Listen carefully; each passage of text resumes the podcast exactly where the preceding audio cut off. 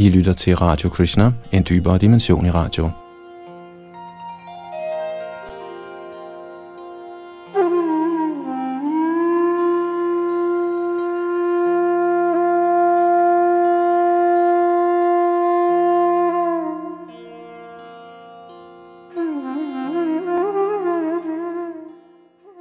Vi fortsætter vores gennemgang af Srimad Bhagavatam, og i dag starter vi på kapitel nummer 11 i 11. bog af Bhagavatam. Kapitlet hedder Symptomer på betingede og befriede levende væsener, og er den fortsatte samtale mellem Krishna og Udhav, der også kaldes Udhav Gita. Bag mikrofon og teknik sidder Yadunandan Das.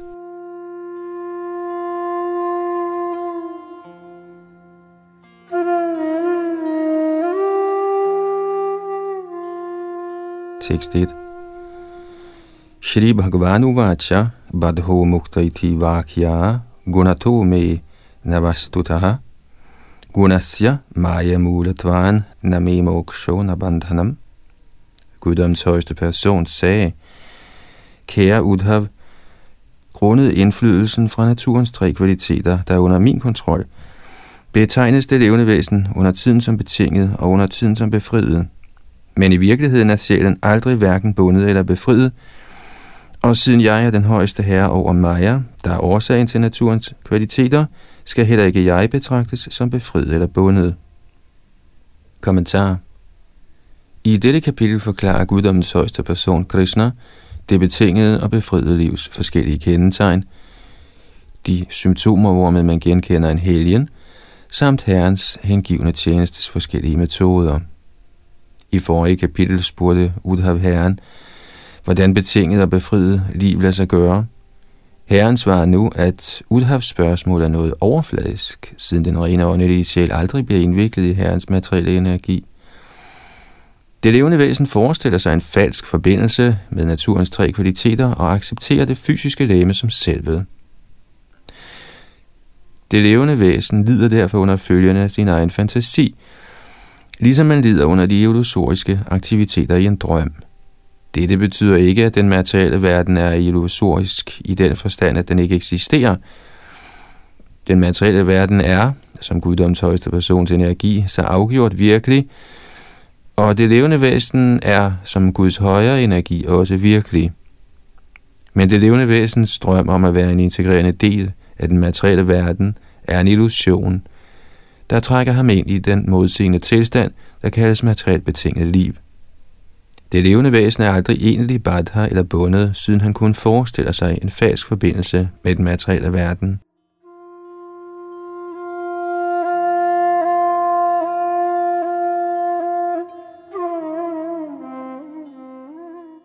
Fordi der i sidste ende ingen veje forbindelse er mellem det levende væsen og det fysiske stof, er der ingen egentlig befrielse, det levende væsen er for evigt transcendental til den lavere fysiske energi og således evigt befriet. Herren Krishna afslører, at det levende væsen i en forstand egentlig aldrig er bundet og således aldrig kan frelses, men i en anden forstand kan udtrykkende bånd og befrielse passende bruges til at betegne en bestemt situation hos den betingede sjæl, der er herrens rande energi.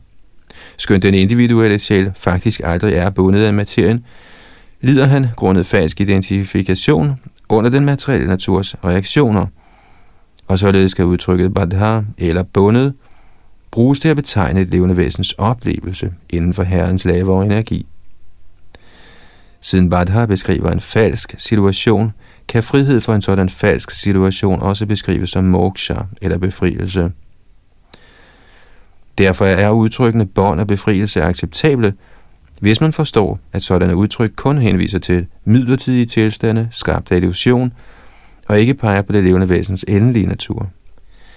I dette vers udtaler Herren Krishna, Gunasya Maya Mulatvan, Name Mokshona Bandhanam, Betegnelserne befrielse og bånd kan aldrig påhæftes guddoms højeste person, da han er den absolute sandhed og altings suveræne hersker. Herren Krishna er for evigt det højeste transcendentale væsen, og han kan aldrig bindes af illusion. Guddoms højeste persons illusionskraft har pligt til at lokke de levende væsener ind i uvidenhed ved at skabe et falsk indtryk af en lyksalig tilværelse uden Krishna. Den illusoriske opfattelse af eksistens adskilt fra guddoms person kaldes Maya eller materiel illusion. Siden Herren, Krishna, er Mayas absolute kontrollør, kan Maya umuligt udøve nogen indflydelse på guddoms person. Således er udtrykket bandhanam eller trældom ikke anvendeligt på guddommens evige, lyksalige og alvidende højeste person. Udtrykket moksha eller befrielse, der henviser til frihed for bandhana, er ligeledes herren uvedkommende.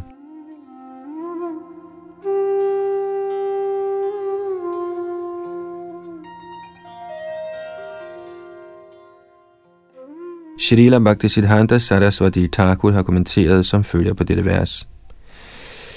Guddoms højeste person er begavet med mægtige åndelige energier. Grundet værtslig opdækning forestiller den betingede sjæl sig, at den absolute sandhed er blottet for varierede åndelige energier, med hvilke han nyder lyksaligt liv. Skønt det levende væsen af herrens åndelige energi, befinder han sig nu i den lavere illusoriske energi, og gennem mental spekulation bliver han bundet i betinget liv. Befrielse vil sige, at det levende væsen må overføre sig selv til herrens åndelige energi, der kan inddeles i tre kategorier. Hladini, glædeskraften, Sandhini, evighedskraften, og Samvit, alvidenhedskraften. Siden guddommens person for evigt nyder en ren tilværelse af lyksalighed og kundskab, er han aldrig betinget eller befriet. Men det levende væsen, der er indviklet i herrens materielle energi, er under tiden betinget og under tiden befriet. Den ligevægtige oprindelige tilstand af naturens tre kvaliteter kaldes Maya. Når de tre kvaliteter vekselvirker, bliver en af dem stærkere og undertrykker de to andre, indtil en anden kvalitet bliver fremherskende. På den måde kan de tre konstateres ved deres forskellige udtryk. Skønt den trefoldige materielle energi udfolder sig fra guddommens person, er Herren selv i sin personlige skikkelse i virkeligheden bolig for de tre åndelige energier, nemlig evighed, lyksalighed og kundskab. Ønsker man frihed for det betingede livs indvikling inden for den fysiske himmel, kaldet Majas rige, må man komme til den åndelige himmel, i hvilken de levende væsener er opfyldt af lyksalighed, besidder evige åndelige lemmer og tager del i Herrens kærlige, hengivende tjeneste. Når man udvikler sin evige åndelige skikkelse i Herrens kærlige tjeneste, hæver man sig øjeblikkeligt over det betingede livs dualitet og upersonlige frelse, og kan direkte erfare Herrens åndelige energier. På det tidspunkt er der ingen mulighed for falsk identifikation med den materielle verden.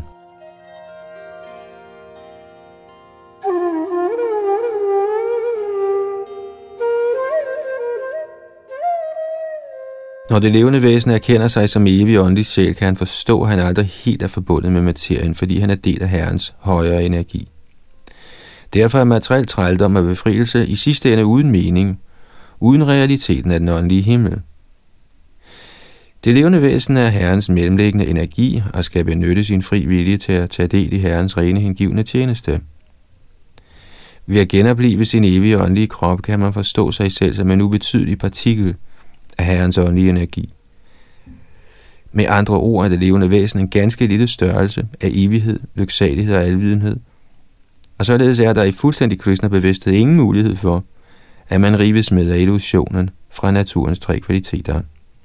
Slutligt kan det siges, at det individuelle levende væsen egentlig aldrig er indviklet i materien, og således aldrig befriet, skønt hans illusoriske tilstand korrekt kan beskrives som indviklet og befriet. Modsat befinder guddommens højeste person sig for evigt i sine egne åndelige energier og kan aldrig beskrives som bundet, og således er det et meningsløst begreb, at Herren skulle befri sig selv fra en sådan ikke eksisterende tilstand.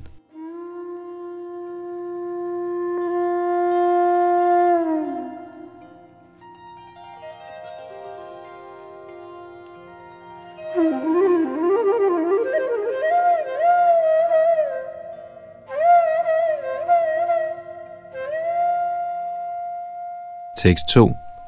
Shoka moha usukhang dukhang deha patischamayaya Svapno yatamana kyati sangshriti natu vastavi. Ligesom en drøm blot er en skabelse af intelligensen, men mangler virkelig substans, er ligeledes materiel sorg, illusion, lykke, kval og accepten af den fysiske krop under Majas indflydelse, alle skabelser af min illusionsenergi. Med andre ord har materiel tilværelse i bund og grund ingen virkelighed. Kommentar. Ordet diha apati henviser til, at det levende væsen fejlagtigt identificerer sig med den udvendige fysiske krop, og således vandrer fra en krop til en anden. Apati peger også på stor lidelse eller ulykke. Grundet sådan falsk identifikation under illusionens påvirkning erfarer det levende væsen de elendige symptomer beskrevet her. Maya vil sige det fejlagtige begreb, at noget kan eksistere uden Herren Krishna eller med noget andet formål end den højeste herres glæde. Selvom de betingede sjæle forsøger at nyde falsk materiel sansetilfredsstillelse, er resultatet altid smerteligt, og sådanne smertelige oplevelser får den betingede sjæl til igen at rette sin opmærksomhed mod guddommens højeste person. Med andre ord er den endelige hensigt med den fysiske skabelse at bringe det levende væsen tilbage til Herrens kærlige hengivende tjeneste. Derfor kan sågar den materielle verdens elendighed ses som guddommens persons barmhjertighed. Den betingede sjæl, der forestiller sig, at fysiske genstande er beregnet til hans egen glæde, begræder bittert tabet af sådanne genstande.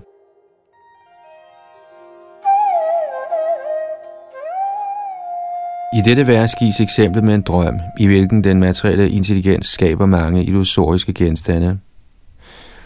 Ligeledes skaber vores forurenede materielle bevidsthed den falske forestilling om materiel sansenydelse, men dette blændværk, der er blottet for Krishna-bevidsthed, har ingen virkelig eksistens. Ved overgivelse til forurenet bevidsthed hjemsøges det levende væsen af utallige problemer. Den eneste løsning er at se Herren Krishna inde i alting, og alting inde i Herren Krishna. Således forstår man, at Krishna er den suveræne nyder, altings ejer og alle levende væseners velønder og ven.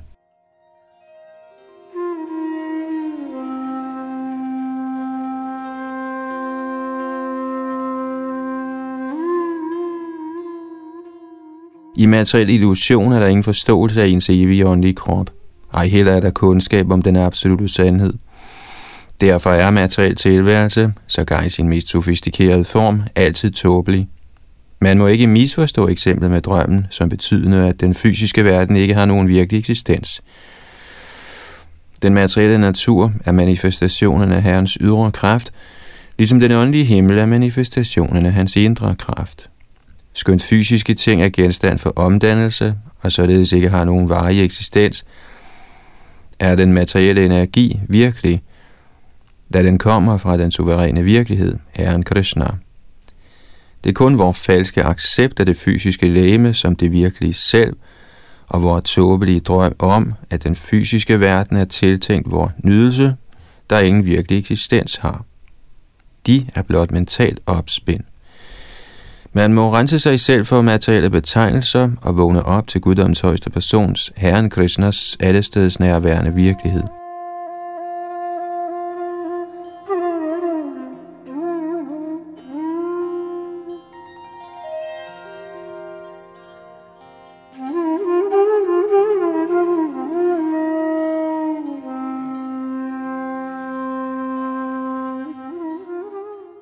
Tekst 3 vidya vidye mamatanu vidyudhava sharirinam moksha bandha kari adye mayaya me vinirmite O Udhav, både viden og uvidenhed er Majas frembringelser og således udfoldelser af min energi. Viden og uvidenhed er begge uden begyndelse og skænker for bestandigt de lemmegjorte levende væsener frelse og trældom. Kommentar. Gennem udbredelse af vidya eller viden bliver en betinget sjæl befriet fra Majas klør, og ligeledes gennem udbredelsen af avidya eller uvidenhed drives den betingede sjæl videre ind i illusion og trældom. Både viden og uvidenhed er produkter af guddommens persons mægtige energi. Det levende væsen bliver bundet af illusion, når han betragter sig selv som ejer af de subtile og grove materielle lægemer. Ifølge Shalila Jiva Goswami kan det levende væsen betegnes som Jiva Maya, hvorimod materien kaldes Guna Maya. Det levende væsen anbringer sin livskraft, Jiva Maya, i kløerne på den værtslige kvalitetskraft, Guna Maya, og drømmer fejlagtigt, at han er en integrerende del af den fysiske verden. En sådan kunstig blanding kaldes illusion eller trældom. Når herrens energier bliver korrekt opfattet i deres behørige kategorier, er det levende væsen befriet fra materiel trældom og vender tilbage til sin lyksalige evige bolig i den åndelige himmel.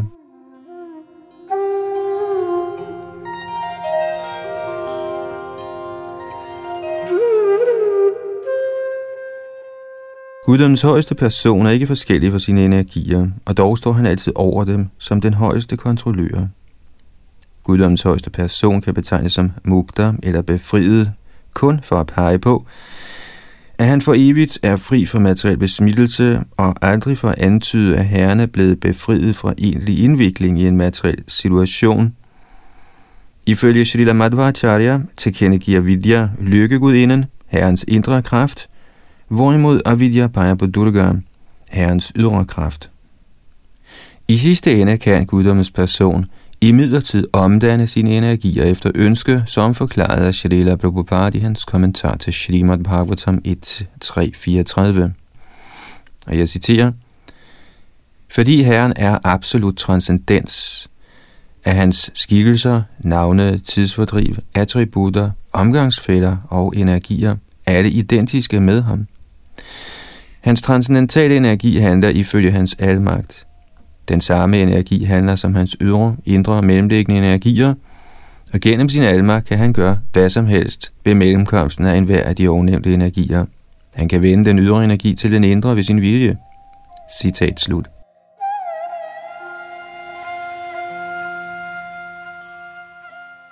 Srila Sridhar Swami noterer sig i den forbindelse, at skønt herren i dette kapitels første vers har forklaret, at det levende væsen egentlig aldrig er bundet, og derfor heller aldrig befriet, kan man bruge udtrykkende trældom af befrielse, så frem man husker på, at det levende væsen for evigt er et fragment af guddommens person.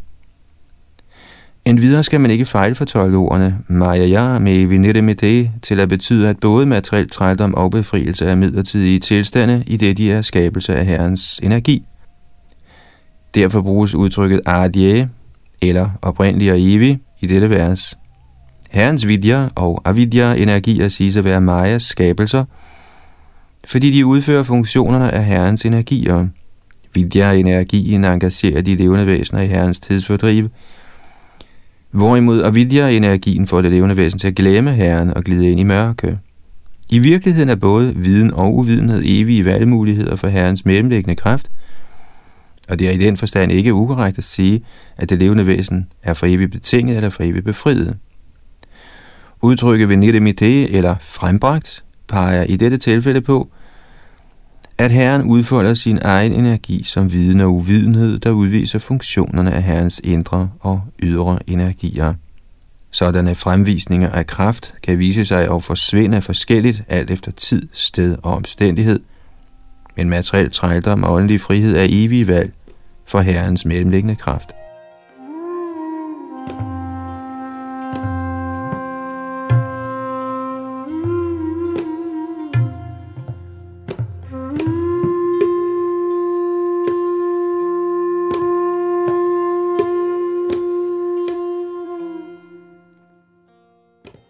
Tekst 4 ekasyaiva mamangshasya jivasya iva mahamati bandho svavidyayanadir vidyaya taraha O yderst begavede Udhav, det levende væsen kaldet Jive, er min integrerende del, men grundet uvidenhed har han lidt i materiel trældom i umindelige tider.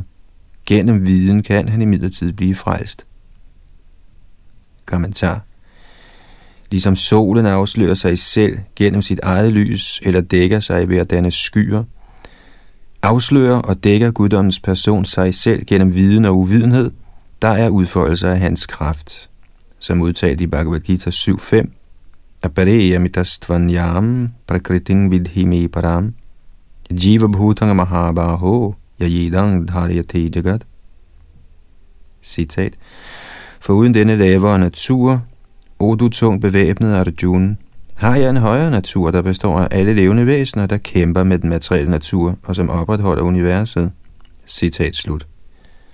Shrita Prabhupada udtaler i forbindelse med dette vers, citat, Den højeste herre Krishna er den eneste hersker, og alle levende væsener beherskes af ham. Disse levende væsener er hans højere energi, fordi kvaliteten af deres eksistens er den samme som den højestes, men de er aldrig på niveau med Herren, hvad angår mængden af kraft. Citat slut.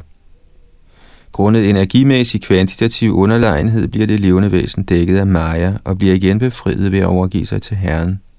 Ordet angsha, eller integrerende del, nævnes også i Bhagavad Gita 15.7. Mamaiva angsho jiva loke, jiva bhuta sanatanaha. Det levende væsen er angst, eller en ubetydelig partikel, og er således genstand for befrielse og trældom, som udtalt i Vishnu Purana, Vishnu Shakti Paraprokta, Kshetra Gyakya Tatapara, Avidya Karma Sangyanya, Tritiya Shakti Ishyati. Det levende væsen er angst, eller en ubetydelig partikel, og er således genstand for befrielse og trældom, som udtalt i Vishnu Purana, Vishnu Shakti Para Prokta Kshetra Gyakya Tatapara, Avidya Karma Sangyanya Tritiya Shaktirishyate. Citat. Guddommens højeste person Vishnu besidder sin højere og indre kraft, såvel som den kraft, der kaldes Kshetragya Shakti. Denne Kshetragya Shakti er også åndelig energi, men den dækkes under tiden af den tredje eller materielle energi kaldet uvidenhed. Så alt efter de varierende niveauer af tildækning, viser den anden eller mellemlæggende energi sig på forskellige udviklingstrin. Citat slut.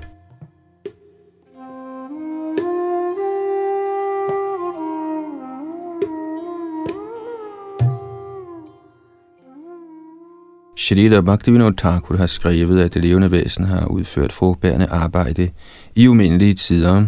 Således kan det betingede liv kaldes begyndelsesløst. Sådan betinget liv er imidlertid ikke endeløst, siden det levende væsen kan opnå befrielse gennem Herrens kærlige hengivne tjeneste. Eftersom det levende væsen kan opnå befrielse, siger Sadila Bhaktivinoda Thakur, at dette befriede liv begynder på et bestemt tidspunkt, men er endeløst, fordi befriet liv forstås som evigt. Hvorom alting er, kan den, som har opnået ly ved guddommens højeste person, Krishna, forstå som evigt befriet, siden en sådan person er indtrådt i den åndelige himmels evige atmosfære. Da der ingen tid er i den åndelige himmel, er den, som har opnået sin evige åndelige krop på Herren Krishnas planet, ikke underlagt tidens indflydelse. Hans evige lyksalige liv med Krishna er ikke underlagt materiel fortid, nutid og fremtid og kaldes derfor befrielse. Materiel tid lyser med sit fravær i den åndelige himmel, og et hvert levende væsen i denne himmel er for evigt befriet, da det har opnået den højeste tilstand. Så den befrielse kan nås gennem vidya eller perfekt kundskab, der forstås i tre faser, kaldet Brahman, Paramatma og Bhagavan, som beskrevet i Srimad Bhagavatam. Den endelige fase af vidya eller kundskab er at forstå guddoms højeste person. I Bhagavad Gita kan det sådan viden for Raja Vidya eller kongen over alt kundskab, og den skænker den højeste befrielse.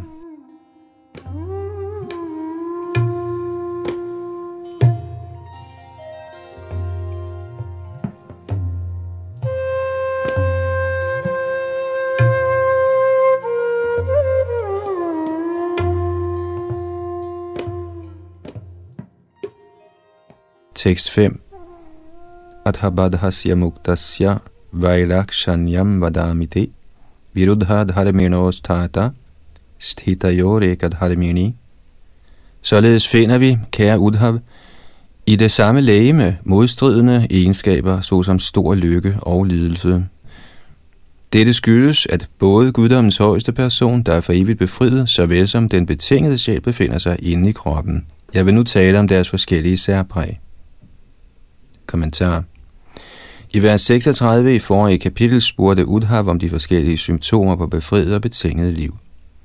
Srila Sridhar Swami forklarer, at kendetegnene på trældom og befrielse kan forstås i to afdelinger. Som forskellen på den almindelige betingede sjæl og den evigt befriede person i guddommen, eller som forskellen på betingede og befriede levende væsener i jiva-kategorien. Herren vil først forklare forskellen på det almindelige levende væsen og guddoms højeste person, der kan forstås som forskellen på den beherskede og beherskeren.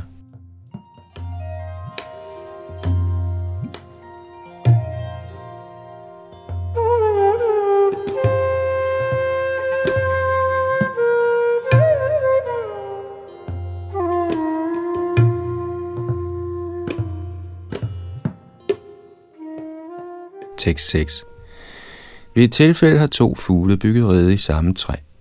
De to fugle er venner og er lignende natur. Den ene spiser i midlertid træets frugter, hvorimod den anden, der ikke spiser frugterne, befinder sig i en overordnet stilling grundet sin magt. Kommentar Eksemplet med to fugle i samme træ gives for at illustrere tilstedeværelsen af både den individuelle sjæl og oversjælen, guddommens person, i hjertet på den fysiske krop. Ligesom en fugl bygger rede i et træ, befinder det levende væsen sig inde i hjertet. Eksemplet er passende, fordi fuglen altid er forskellig fra træet. Ligeledes er både den individuelle sjæl og oversjælen adskilte væsener, der er forskellige fra den midlertidige fysiske krop. Ordet balena peger på, at guddoms højeste person er tilfreds ved sin egen indre kraft, der består af evighed, alvidenhed og lyksalighed. Som antydet er ordet Bhujan, eller besiddende højere eksistens, er den højeste her altid i en overordnet stilling, hvorimod det levende væsen sommetider er illusion og sommetider er oplyst. Ordet balena indikerer, at Herren aldrig er i mørke eller uvidenhed, men altid fuldkommen i sin perfekte lyksalige bevidsthed.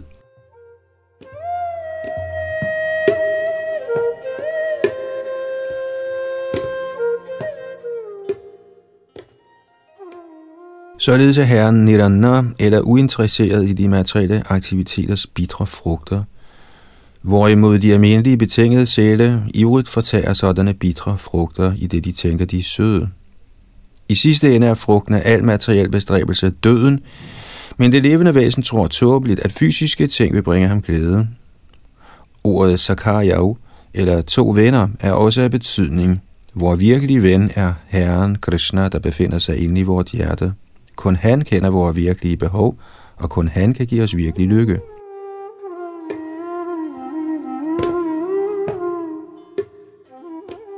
Herren Krishna er så venlig, at han tålmodigt dvæler inde i hjertet og forsøger at hjælpe den betingede sjæl hjem igen tilbage til guddommen.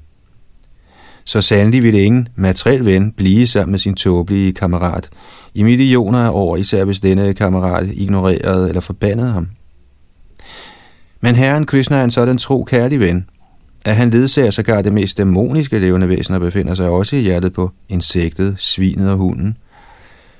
Dette skyldes, at Herren Krishna er i højeste grad Krishna-bevidst og ser hvert levende væsen som integrerende del af sig selv.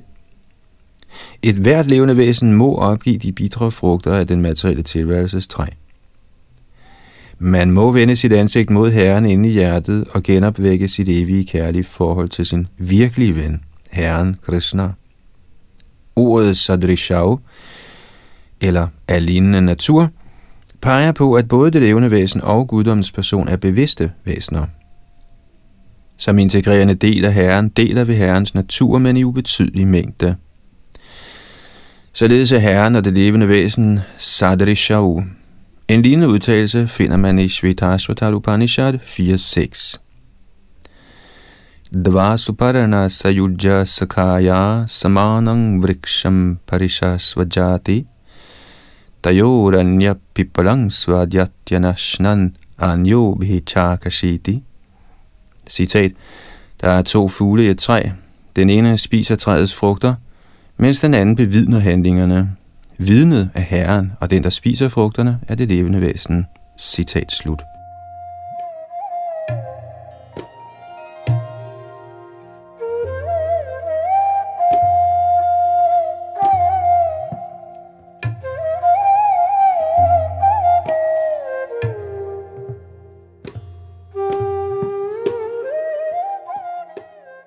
Tekst 7 Fuglen, der ikke spiser træets frugter, er guddommens højeste person, der ved sin alvidenhed er helt klar over sin egen stilling og stillingen af det levende væsen, der repræsenteres af den spisende fugl. Det levende væsen forstår på den anden side hverken sig selv eller Herren. Han er dækket af uvidenhed og kaldes således for evigt betinget, hvorimod guddommens person, der til fulde besidder perfekt kundskab, er for evigt befriet. Kommentar Ordet vidya maya i dette vers tilkendegiver herrens indre kraft, og ikke den ydre kraft mahamaya. I den fysiske verden er der vidya, eller materiel videnskab, og avidya, eller materiel uvidenhed. Men i dette vers betyder vidya den indre åndelige kundskab, gennem hvilken guddommens person befinder sig i konstant alvidenhed. Eksemplet med de to fugle i et træ, der gives i mange vediske skrifter, illustrerer udtalelsen Nidyo Nityanam. Der er to kategorier af evige levende væsener, nemlig den højeste herre og den ganske lille divasjæl. Den betingede diva der glemmer sin identitet som herrens evige tjener, forsøger at nyde frugterne af sine egne handlinger og kommer således under uvidenhedens trylleslør. Denne uvidenhedens trældom har eksisteret i umindelige tider, og kan udelukkende korrigeres ved at man indlader sig på Herrens kærlige hengivende tjeneste, der er fuld af åndelig kundskab. I betinget liv tvinges det levende væsen af naturens lov til at begå fromme og ugudelige frugtbærende handlinger – men det levende væsens befriede position er at frembære sit arbejdes frugter til Herren, den højeste nyder. Det bør forstås, at selv når det levende væsen befinder sig i en befriet tilstand, er mængden af hans kundskab aldrig på højde med guddommens persons. Selv Herren Brahma, det højeste levende væsen inden for universet, erhverver sig i kun delvis kundskab om guddommens person og hans energier. I Bhagavad Gita 4.5 forklarer Herren sin højere viden for Arjuna. Bahuni me vyatitani janamani tavacharjuna danya hangveda saravani natvang vetha parantapa. Citat. Guddommens højeste person sagde, mange, mange fødsler har både du og jeg gennemgået. Jeg husker dem alle, men det gør du ikke, o du tugter af fjenden. Citat slut.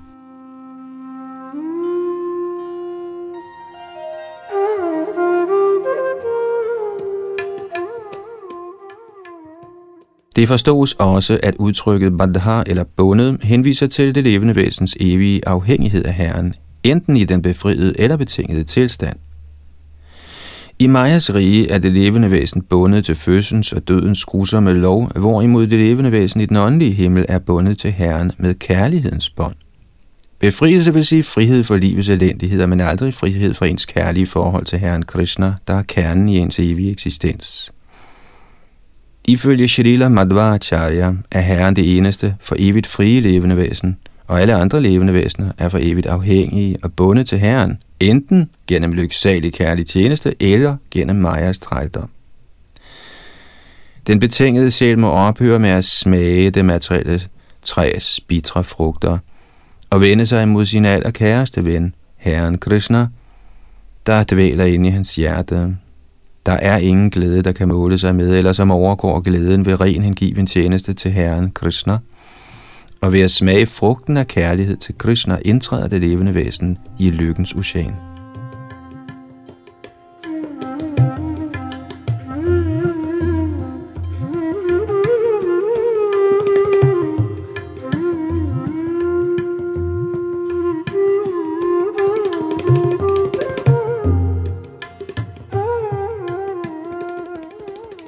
Tekst 8.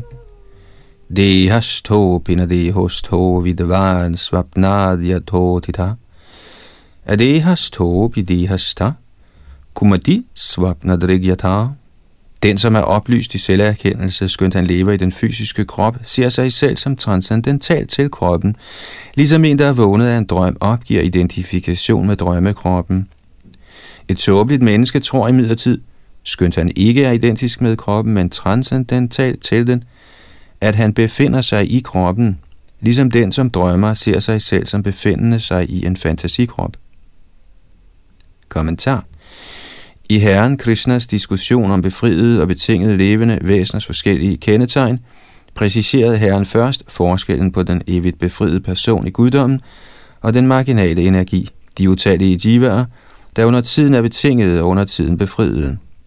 I dette og de næste ni vers beskriver Herren de forskellige symptomer på befriede og betingede jiva I en drøm oplever man sig selv i en fantasikrop, men når man vågner, opgiver man enhver identifikation med den krop. Ligeledes identificerer den, som er vågnet op til Krishna-bevidsthed, sig ej længere med de grove og subtile lægemer, ej heller påvirkes han af det materielle livs lykke og kval. Modsat vågner et tåbeligt menneske, Gumadi, ikke af den materielle tilværelses drøm og påvirkes af utallige problemer, grundet fejlagtig identifikation med de grove og subtile fysiske lægemer. Man må blive placeret i sin evige åndelige identitet, Nitya Svarup. Ved korrekt at identificere sig som Krishnas evige tjener, kommer man fri af sin falske materielle identitet, og derfor ophører den illusoriske tilværelses elendighed øjeblikkeligt, ligesom frygten i en besværlig drøm ophører, så snart man vågner i sine normale behagelige omgivelser. Det skal i midlertid forstås, at analogien med at vågne er en drøm, aldrig kan bruges på guddommens højeste person, der aldrig er i illusion. Herren er for evigt vågen og oplyst i sin unikke kategori kaldet Vishnu Tattva. Sådan kundskab forstås let af den, som er vidvaren eller oplyst i Krishna-bevidsthed.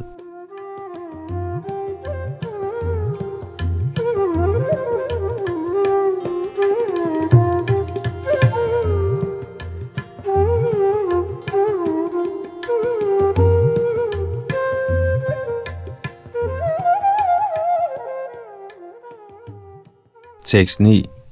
Indriya irindriyareteshu gunaira guneshu cha grihyamanesva kuriyan vidvan yastva vikriyaha. Et oplyst menneske, der er fri for de materielle ønskers besmittelse, betragter ikke sig selv som den, der udfører læmelige handlinger. Snarere er han klar over, at det i alle sådanne aktiviteter kun er sanserne, affødt af naturens kvaliteter, der kontakter sansernes genstande, der er affødt af de samme kvaliteter i naturen. Kommentar. Herren Krishna kommer med en lignende udtalelse i Bhagavad Gita 3.28, Tatvavitu Mahabaho Guna Karma Vibhagayo. Guna Guneshu Varatanta Iti Matva Nasajati. Citat. Den, som har kundskab om den absolute sandhed, udotung bevæbnet, indlader sig ikke med sanserne og sansenydelse, i det han er klar over forskellen på hengivent arbejde og arbejde for frugtbærende resultater. Citat slut. Det fysiske læme blander sig altid med sansernes genstande, eftersom kroppen for at overleve må spise, drikke, tale, sove osv., men et oplyst menneske, der kender den kristnebevidste videnskab, tænker aldrig, jeg accepterer disse ting som mine besiddelser, de skal give mig glæde. Hvis kroppen ligeledes udfører en vidunderlig handling, bliver et kristnebevidst menneske ikke stolt. Ej heller lader han sig nedslå, hvis kroppen skulle mislykkes med at handle på en bestemt måde. Med andre ord vil kristnebevidsthed sige at opgive identifikationen med de grove og subtile fysiske lægemer. Man må se dem som herrens ydre energi, der arbejder under herrens bemyndigede repræsentant Maya. Den, som er opslugt af frugtbærende handlinger, arbejder under jurisdiktion af Mahamaya eller den ydre illusoriske energi, og oplever den materielle tilværelses kvaler. Modsat arbejder en hengiven under den indre energi kaldet Yoga Maya, og er bestandigt tilfreds med at tilbyde Herren sin kærlige tjeneste. I alle tilfælde er det Herren selv, der ved sine mangeartede energier i sidste ende er den, der handler. Den, som hævder at være transcendental til den lægemlige livs opfattelse, men som samtidig forbliver under påvirkning af materielle begær og mental omdannelse, skal, ifølge Siddhila Vishwanath Chakravarti Thakur, opfattes som en bedrager og som den laveste type betinget sjæl.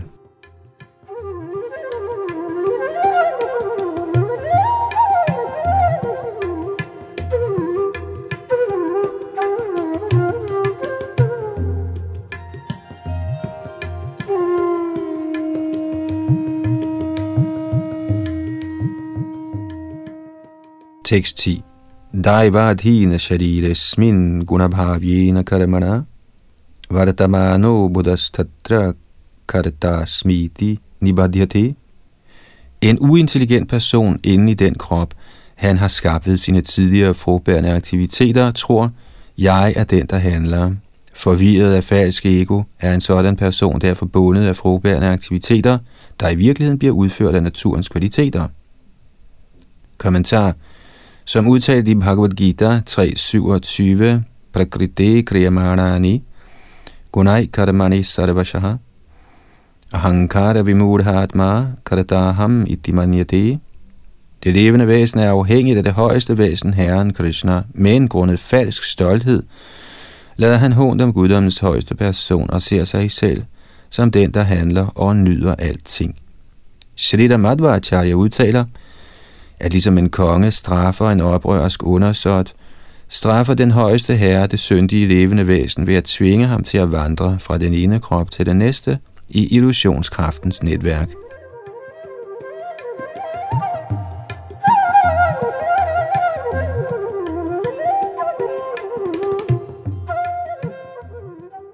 Tekst 11.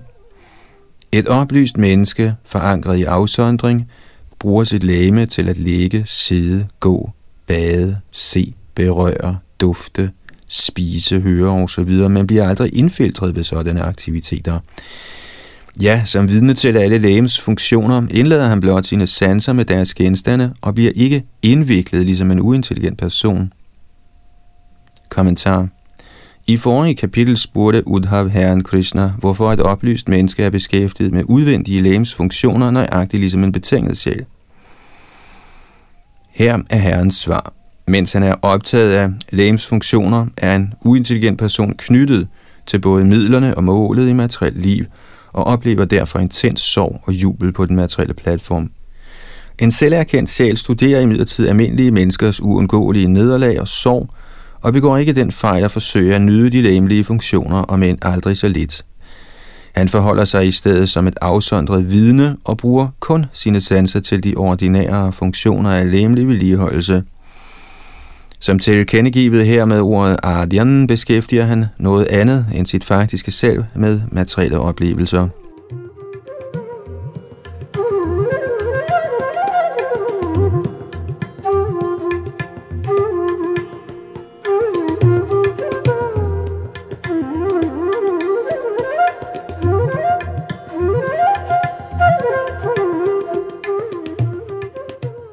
Tekst 12 og 13. Skønt himlen eller rummet er altings hvilested, blander himlen sig aldrig med noget, ej heller bliver den indfiltret. Ligeledes er solen overhovedet ikke bundet til vandet, i hvilken den genspejles i utallige reservoirer, og den mægtige vind, der blæser alle vegne, lader sig ikke påvirke af de utallige dufte og atmosfære, gennem hvilke den passerer. På samme måde er en selverkendt sjæl helt løsrevet fra den fysiske krop og den fysiske verden omkring den. Han er som et menneske, der er vågnet og stået op efter en drøm. Med kyndigt udsyn, skærpet af afsondringen, overskærer den selverkendte sjæl alle tvivl gennem kundskab om selvet, og tilbagetrækker fuldstændig sin bevidsthed fra udbrydelsen af materiel mangfoldighed. Kommentar Ifølge Srila Bhaktisiddhanta Saraswati Thakur overskærer en selverkendt sjæl alle tvivl gennem direkte erfaring af sin sande åndelige identitet. Guddommens højeste person er Herren Krishna, og der kan umuligt være nogen eksistens adskilt fra Herren Krishna. Sådan ekspertviden overskærer enhver tvivl. Det udtales her, Prakritistopya Sang Sakta, Ligesom himlen, solen eller vinden, bliver den selverkendte ikke indfiltret, selvom han befinder sig inde i Herrens materielle skabelse. Nanatva, eller materiel mangfoldighed, henviser til ens fysiske læme, andres læmer, og det ubegrænsede udstyr til læmelig sansenydelse, både fysisk og psykisk. Når man vækkes til Krishna-bevidsthed, trækker man sig helt tilbage fra illusorisk sansenydelse og bliver optaget af den fremadskridende erkendelse af sjælen, der befinder sig inde i kroppen. Som åbenbart i eksemplet med de to fugle i et træ, er både den individuelle sjæl og guddommens person helt adskilte fra de grove og subtile materielle lemmer. Vender man sit ansigt mod Herren i anerkendelse af sin evige afhængighed af ham, vil al sorg og bekymring ophøre, skønt man stadig er inden for den materielle verden. De uendelige oplevelser af materielle genstande øger kun ens uro, hvorimod oplevelse af den absolute sandhed Shri Krishna øjeblikkeligt bringer en til niveauet af fred. Således trækker den intelligente sig tilbage fra verden af stof og bliver en helt selverkendt Krishna-bevidst person.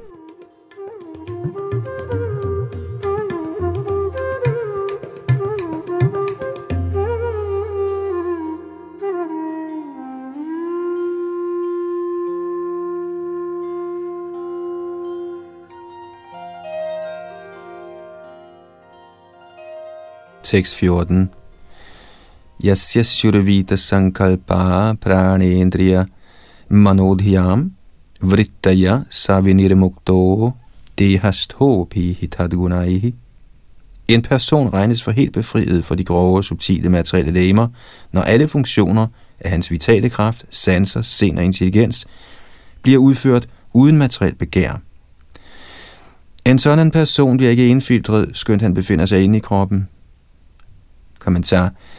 Det fysiske læme og sind er genstand for sorg, illusion, sult, lyst, grådighed, galskab, frustration osv., men den, som forbliver aktiv i denne verden uden tilknytning, regnes for viniramukta eller helt befriet. Den vitale energi, sanserne, sindet og intelligensen bliver renset, når de forbindes med Herren Krishnas hengivne tjeneste, som bekræftet gennem hele Srimad Bhagavatam.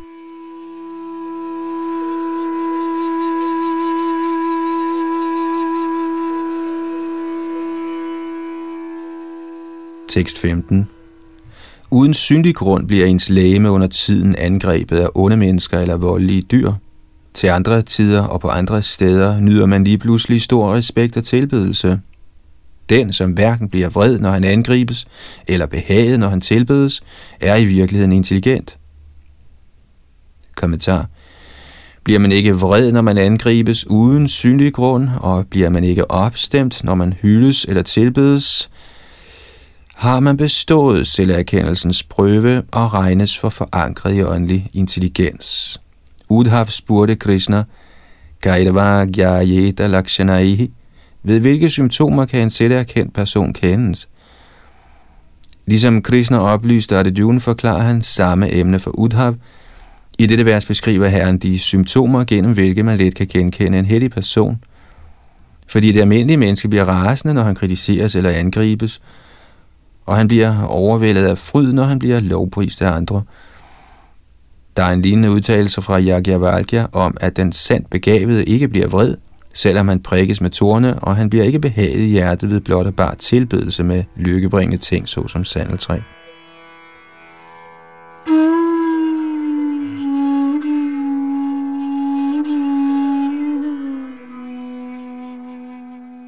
Tekst 16 og 17 en hellig vismand ser med ligeligt syn, og er derfor ikke påvirket af det materielt gode eller dårlige.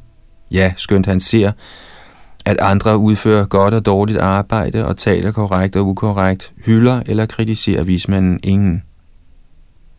Til sit lægemes opretholdelse skal en befriet vismand ikke handle, tale eller tænke ifølge begreberne materielt godt og slet.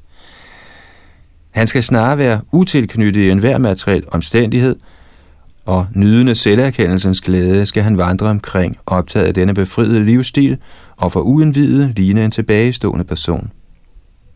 Kommentar Ifølge Shalila Jiva Swami beskriver dette vers en type disciplin, der egner sig for gjerne-yogierne, der gennem intelligens forsøger at forstå, at de ikke er deres fysiske lægemer. Den, som i midlertid er optaget i Herrens indgivende tjeneste, accepterer og forkaster fysiske ting alt efter deres brugbarhed i Krishnas indgivende tjeneste. Den, som forsøger at forkynde Krishna-bevidsthed, skal opfattes som yderst intelligent og ikke jodavat eller sløv, som beskrevet her. Skønt herrens indgivende ikke handler, taler eller tænker for sin egen sansenydelses skyld, er han altid travlt optaget af at arbejde, tale og meditere i herrens indgivende tjeneste. Den hengivne lægger udførlige planer for at beskæftige alle de betingede sjæle i Herren Krishnas tjeneste, sådan at de kan blive renset og vende hjem tilbage til guddommen. Blot at afvise materielle ting er ikke fuldendt bevidsthed. Man må se alting som Herrens ejendom og tiltænkt Herrens glæde. Den, som er travlt optaget af at udbrede bevægelsen for Krishna-bevidsthed, har ikke tid til materiel skældende og kommer således automatisk op på det befriede niveau.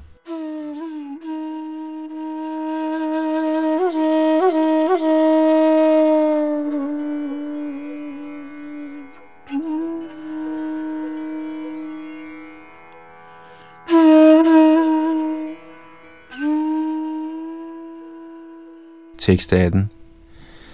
Hvis man gennem nøje studier bliver ekspert i at læse vedisk litteratur, men ikke gør nogen forsøg på at fæstne sit sind på guddommens højeste person, er ens anstrengelse så sandelig ligesom det menneske, der arbejder hårdt for at holde en ko, der ikke giver nogen mælk.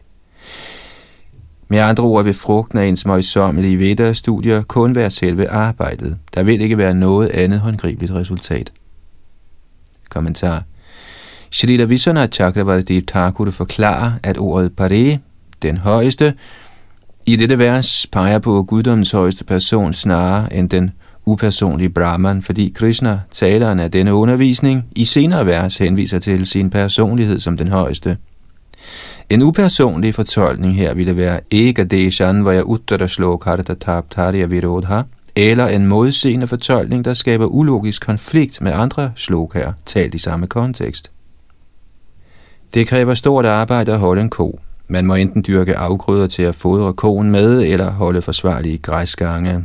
Bliver græsgangene ikke ordentligt vedligeholdt, kommer der giftigt ukrudt, eller også vil slangerne formere sig, at der vil være fare.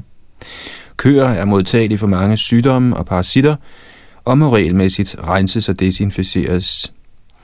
Ligeledes må man sørge for hegn omkring græsgangene, og der påkræves endda mere arbejde.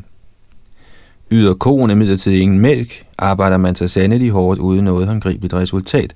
Hårdt arbejde er også påkrævet, hvis man ønsker at lære sanskrit-sproget gennemgribende nok til at udskille de subtile og esoteriske betydninger af de vediske mantraer.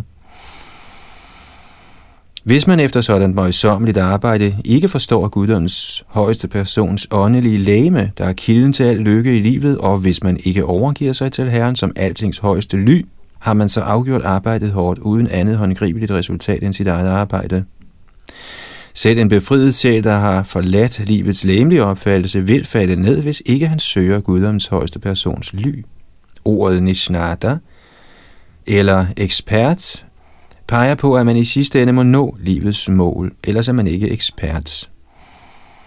Som udtalt af Chaitanya Mahaprabhu, Prema Pumaratho Mahan, er menneskelivets virkelige mål kærlighed til guddommen, og ingen kan regnes for ekspert uden at nå dette mål.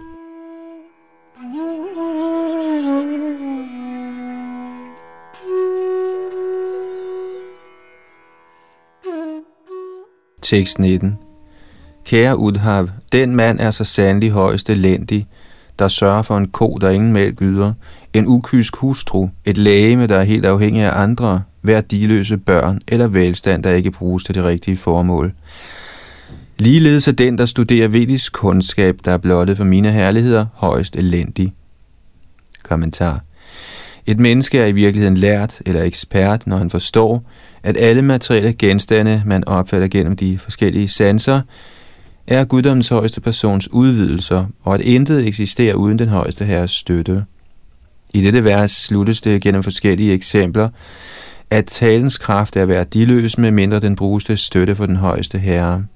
Ifølge Shrila Vishana Chakravarti Thakur lader dette vers forstå, at alle sansefunktioner er værdiløse, med mindre de bruges til Guds forherligelse. Ja, tidligere fortalte Avadhut Brahminen Kong Yadu, at hele hendes program med sansekontrol er en fiasko, med mindre tungen kommer under kontrol. Man kan ikke styre tungen, med mindre man ytrer herrens pris.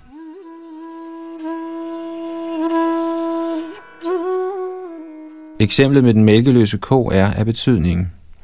En gentleman dræber aldrig en ko, så når koen bliver ufrugtbar og ikke længere giver mælk, må man indlade sig på arbejdet med at beskytte hende, siden ingen køber en værdiløs ko.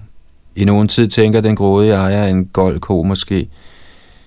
Jeg har i forvejen brugt så mange penge på at holde denne ko, og hun vil helt sikkert i fremtiden igen blive drægtig at give mælk.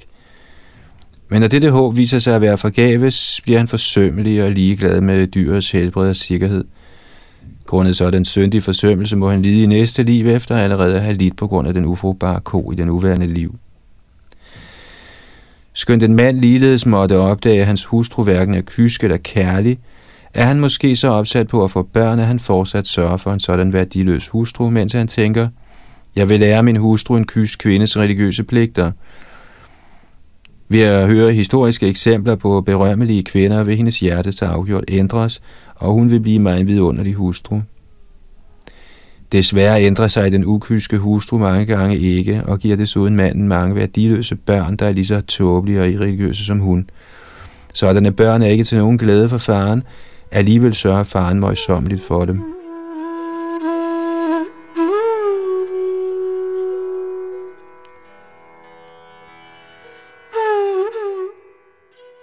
Også den, som har samlet sig rigdomme ved Guds barmhjertighed, må nøje sørge for at give godgørenhed til den rette person og til det rigtige formål.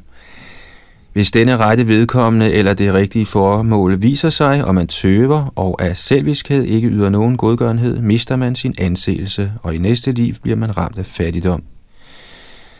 Den, som undlader at give forsvarligt i godgørenhed, lever sine dage med nervøst at passe sin velstand, der i sidste ende hverken giver ham berømmelse eller glæde. De forrige eksempler gives for at belyse det værdiløse i møjsommelige studier af vedisk viden, der ikke lovpriser guddommens højeste person. Srila Jiva Goswami kommenterer, at vedernes åndelige lyd er tiltænkt at bringe ind til lotusfødderne af den højeste herre, Krishna. Mange metoder til opnåelse af den højeste sandhed anbefales i Upanishaderne og anden vediske litteratur, men grundet deres utallige og tilsyneladende modstridende forklaringer, kommentarer og forskrifter, kan man ikke opnå den absolute sandhed, guddommens person, gennem blot og bare læsning af sådan litteratur. Men forstår man imidlertid Shri Krishna som alle årsagers endelige årsager, læser Upanishader og øvrige vediske litteratur som lovprisning af den højeste herre, kan man faktisk forankre sig ved herrens lotusfødder. For eksempel oversatte og kommenterede hans guddommelige noget af C. Bhaktivedanta Swami Prabhupada Shri Ishu Upanishad på en sådan måde, at det bringer læseren tættere på guddommens højeste person.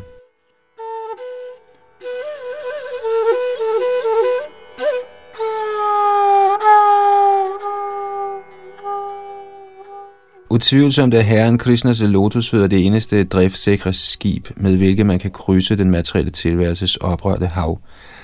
Selv Herren Brahma har udtalt i Srimad Bhagavatams 10. bog, at hvis man forlader Bhaktiens lykkebringende vej og indlader sig på det frugtesløse arbejde af vedisk spekulation, er man ligesom en tåbe, der tærsker på tomme skaller i håb om at få ris. Srila Jiva Goswami anbefaler, at man helt ignorerer tørvedisk spekulation, for den fører ikke til punktet af hengiven tjeneste til den absolute sandhed, Herren Shri Krishna.